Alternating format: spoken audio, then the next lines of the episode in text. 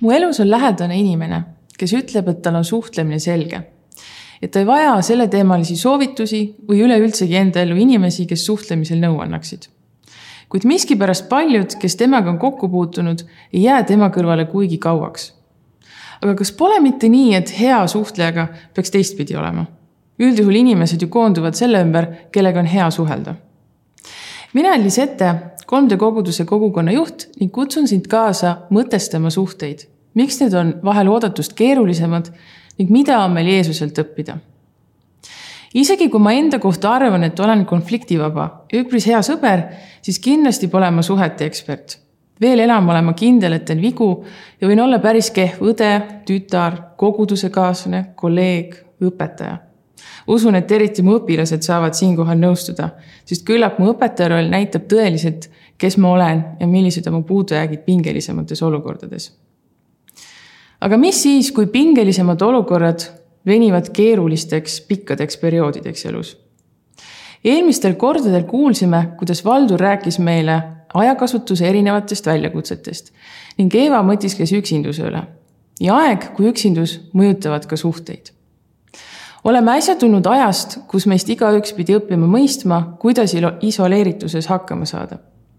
ilmselt tänaseni õpime, kuidas toimida nii üksindushetkedes, aga ka kiires elutempos. kuidas oma aega jagada kohustuste, lähedaste ja isiklike huvide vahel. ma arvan, et väga palju saame ise ära teha selleks, et sõprussuhted võiksid hästi toimida statistika prognoosib, et selle aasta novembrikuus ületab maailma rahvastik kaheksa miljardi künnise. seega meil pole üksteisest pääsu, kus iganes me viibime, on inimesed. see, kuidas me oma kaaskodanikku suhtume ja end väljendame, määrab väga palju. meie ühiskond kujuneb täpselt selliseks, olgu siis hoolivaks või hoolimatuks, kuivõrd me otsustame teisele naeratada ja teretada või pea ära pöörata ja pahandada teenindaja väiksemagi apsaka peale sellistes pealiskaudsetes kohtumistes on oma võlu.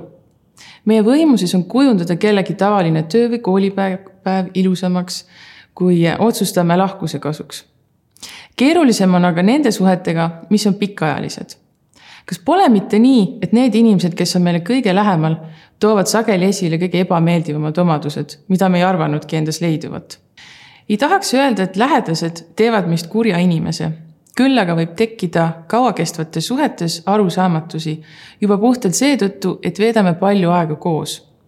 iga meie tuju, ehmatus, rivist väljaviimine, haigus, õnnetus, kõik mõjutab meie meeleolu ja kandub edasi suhetesse. lihtne on teha end ohvriks ja näha teises vigu, mis tal kõik tegemata jäi või öeldud sai.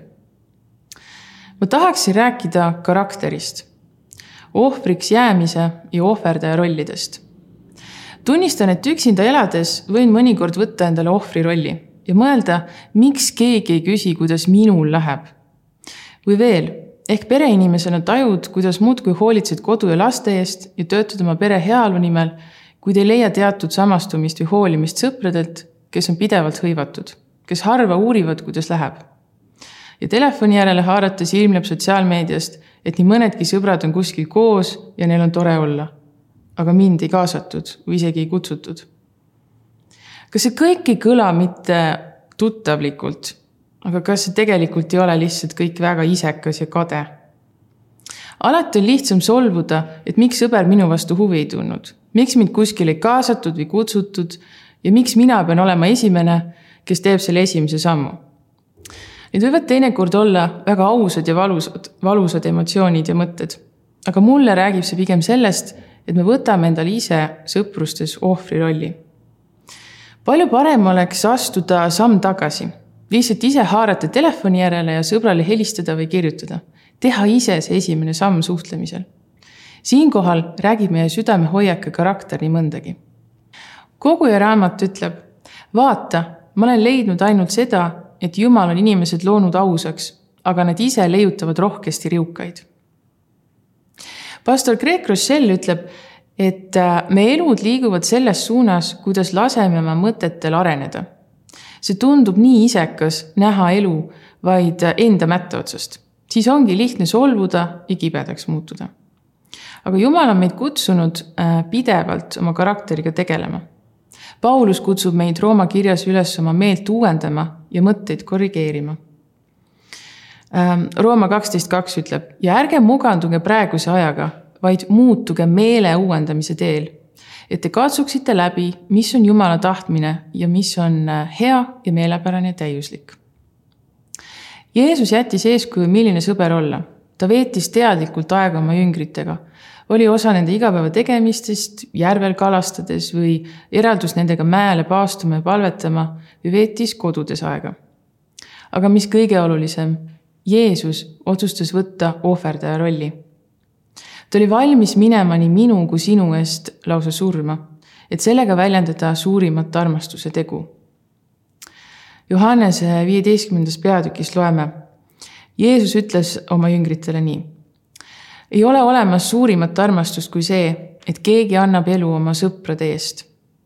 Teie olete mu sõbrad, kui te teete, mida ma teid käsin.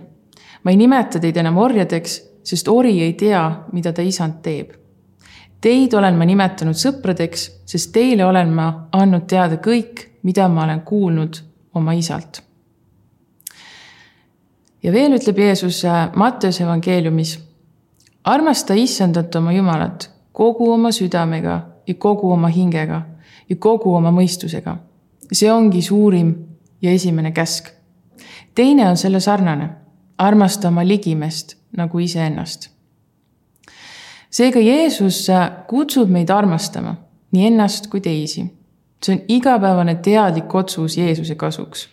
otsus, et isegi siis, kui mul on raske, siis ma tahan näidata üles hoolivust mul võib sageli olla ebamugav mingit teenet sõbrale teha, aga Jeesus pole seadnud ei enda ega meie elu sihiks mugavust või mugavussuhteid. Kui igatseme, et sõprused püsiksid, siis oleme kutsutud ohvri rollist loobuma ning tegema esimesena sammu, sest sõprus eeldab ohvrite toomist. ilmselt pole äh, meist kellelegi võõras sattuda elus raskesse olukorda olgu selleks siis väljakutsed koolis või tööl, äh, paarisuhetes või peresuhetes laiemalt, lähedase lahkumine, õnnetus või tervise järsk halvenemine. Need on kõik elu osa ja mõjutavad sageli me sõprussuhteid tugevamalt, kui oskame arvata. me võime tunda end üksi ja hakata sõpru süüdistama, miks need ei ela kaasa või ei mõista. aga kuidas peakski sõber sellisel hetkel oskama toeks olla kui ta pole ise sarnases olukorras olnudki.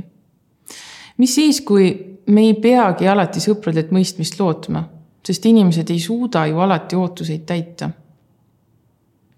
Ma tahan jagada ühest kogemusest oma elus, äh, kus ma mõistsin, et äh, ma ei saa vaid sõpradele toetuda. Äh, aastaid tagasi, kui alustasin iseseisvat elu, siis tajusin, et see on oodatust raskem väga lühikese eluperioodi jooksul muutus mu elus kardinaalselt palju asju. lõpetasin ülikooli, ma esimest korda kolisin, ma sain esimese töökoha ja asusin end ise üleval pidama. Neid elumuutusid oli korraga väga palju ja kuidagi ma ei osanud oma elu toimima saada. ja ma hakkasin vahel süüdistama oma südames sõpru, et kus nad on või miks nad ei mõista ja miks nad piisavalt mulle toeks ei ole. ja ma kogesin suurt segadust ja mõnikord kandus see kõik üle ka Jumalale. aga aja möödudes ma sain aru, et Jumal tegelikult ootab hoopis seda lähedust temaga. Kusjuures täpselt sellisena, nagu ma olin, segaduses ja kõrgete ootustega oma sõpradele. aga aegamisi ma mõistsin, et äh, ükski sõber ei peagi mind lõpuni mõistma. mul jäi vaid äh, otsida seda mõistmist Jumalalt ja kõik oma emotsioonid tema peale välja valada asusin Jumalaga palves rääkima igal sellisel hetkel, kui tundsin end läbikukkununa, üksildasena või pahasena. Ma ei jätnud kõrvale piibli lugemist, et oma mõtteid väga teadlikult Jumalal hoida ja samuti olin jätkuvalt oma kogudusest osa, et hoida sidet oma vaimuliku perekonnaga. ja ma pean tunnistama, et sain sellest kogemusest parima õppetunni kogu eluks äh,. mäletan, kuidas ma väga teadlikult otsustasin, et ma pean esmalt Jumala poole pöörduma sõbrad on meil teel küll väga olulised, aga lähedane suhe Jumalaga kannab meid ka kõige raskematest olukordadest läbi. Ähm, loob korra ja annab vabaduse. Jumal ootab, et me temale oma valu, vaeva ja kõik tupikus olevad olukorrad üle annaksime, sest vaid Jumal mõistab ja täidab kõik meie vajadused ja igatsused, mida mitte ükski inimene ei suuda. teise Korintuse kirjast võime lugeda. ent issand on vaim ja seal, kus on issanda vaim, on vabadus. kust siis leida neid kandvaid sõprussuhteid? See, kuidas me sõpru leiame ja äh, suhete püsimisse kaasa aitame, on väga erinev äh,. suhte loomine sõltub paljudest aspektidest äh,. meie vanusest, keskkonnast, eluetapist, sarnastest huvidest. ja ilmselt lihtsam on sõpru saada nooremana, sest vanemaks saades meie isiksus on välja kujunemas ning ühist keelt ja aega ning keskkonda on üha keerulisem leida. seega väärtustama võimalusi ja suhteid, mis sul praegu on kogudus võib olla ka üks äh, sõpruskond, sest veedame üksteisega palju aega. teenime koos Jumalat ja jagame elusid. ma ütleks, et äh, kogudusest leiab sõpru kogu eluks. isiklikult minu pikaaegsed sõprused äh, ongi just siin 3D koguduse keskel alguse saanud. mäletan, kuidas äh, pastor Valtriku abikaasa Marleeniga kohtusime 3D koguduse rajamismeeskonnas ühisest teenimisest kasvas lähedane sõprus, mis kestab tänini me kasvame kogudusena kokku, kui midagi ühise eesmärgi nimel teeme. läbi teiste inimeste õpime Jumalat sügavamalt tundma. me võime oma karakterit olla väga erinevad ning ilmselt ilma Jumala koguduseta ehk ei puutukski kunagi kokku. kuid tema püha vaimu läbi saame Jeesuse antud eeskuju välja elada. Jeesus on kutsunud meid armastama kõiki, olema ka nende sõber, kes on Jumalast kaugel me peame aga arvestama, et täpselt nii nagu igas keskkonnas, nii ka koguduse keskel oleme kõik ekslikud ning võib juhtuda, et ka siin iga sõprus ei kanna välja. ehk oled kuid ja isegi aastaid panustanud suhtesse, kus sõber on Jumala leidnud, et nüüd otsustanud talle teadlikult selg pöörata. võib-olla oled täna olukorras, kus väärtuslik kristlasest sõber on väga teadliku otsustanud elada patus kuidas seda sõprust hoida või suunata. võib-olla on äh, Jumal andnud sulle südamesse näidata üles hoolivust äh, ja jüngerdada kedagi, kes on väga raske armastada. Äh, käia tema kõrval, tema valus ja väljakutsetes. Need on valusad ja aktuaalsed küsimused, millele pole kiiret vastust. kogudus ei koosne täiuslikest inimestest ja meil tuleb arvestada sellega, et vaenlane tegutseb ning tahab meilt röövida puhas südametunnistust ning suhteid, mis aitavad Jumalale lähemale kasvada.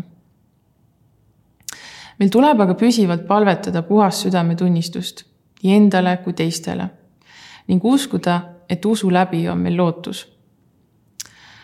Jaakobuse kiri ütleb meile, tunnistage siis üksteisele patud üles ja palvetage üksteise eest, et te saaksite terveks õige inimese mõjuvõimas eestpalve saadab palju korda. vahel meie lähedane pereliige võib olla see, kellega äh, suheldes jõud saab otsa. me anname endast kõik, me palvetame, me armastame, kuidas oskame, kuid vastutasuks saame vaid hingehaavad. olgu need valusad sõnad või lausa vägivald. Need olukorrad vajavad sekkumist usaldusväärseid sõpru, professionaale psühholoogide näol koguduse vaimulikke juhte ning veel enam Jumala püha vaimu sekkumist. Äh, Peetruse kiri ütleb meile. õndsad olete teie, kui teid teotatakse Kristuse nime pärast, sest siis hingab teie peal kirkuse vaim, Jumala vaim.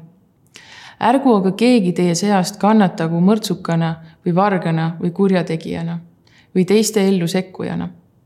aga kes kannatab kristlasena, ärgu häbenegu, vaid andku Jumalale au selle nimega.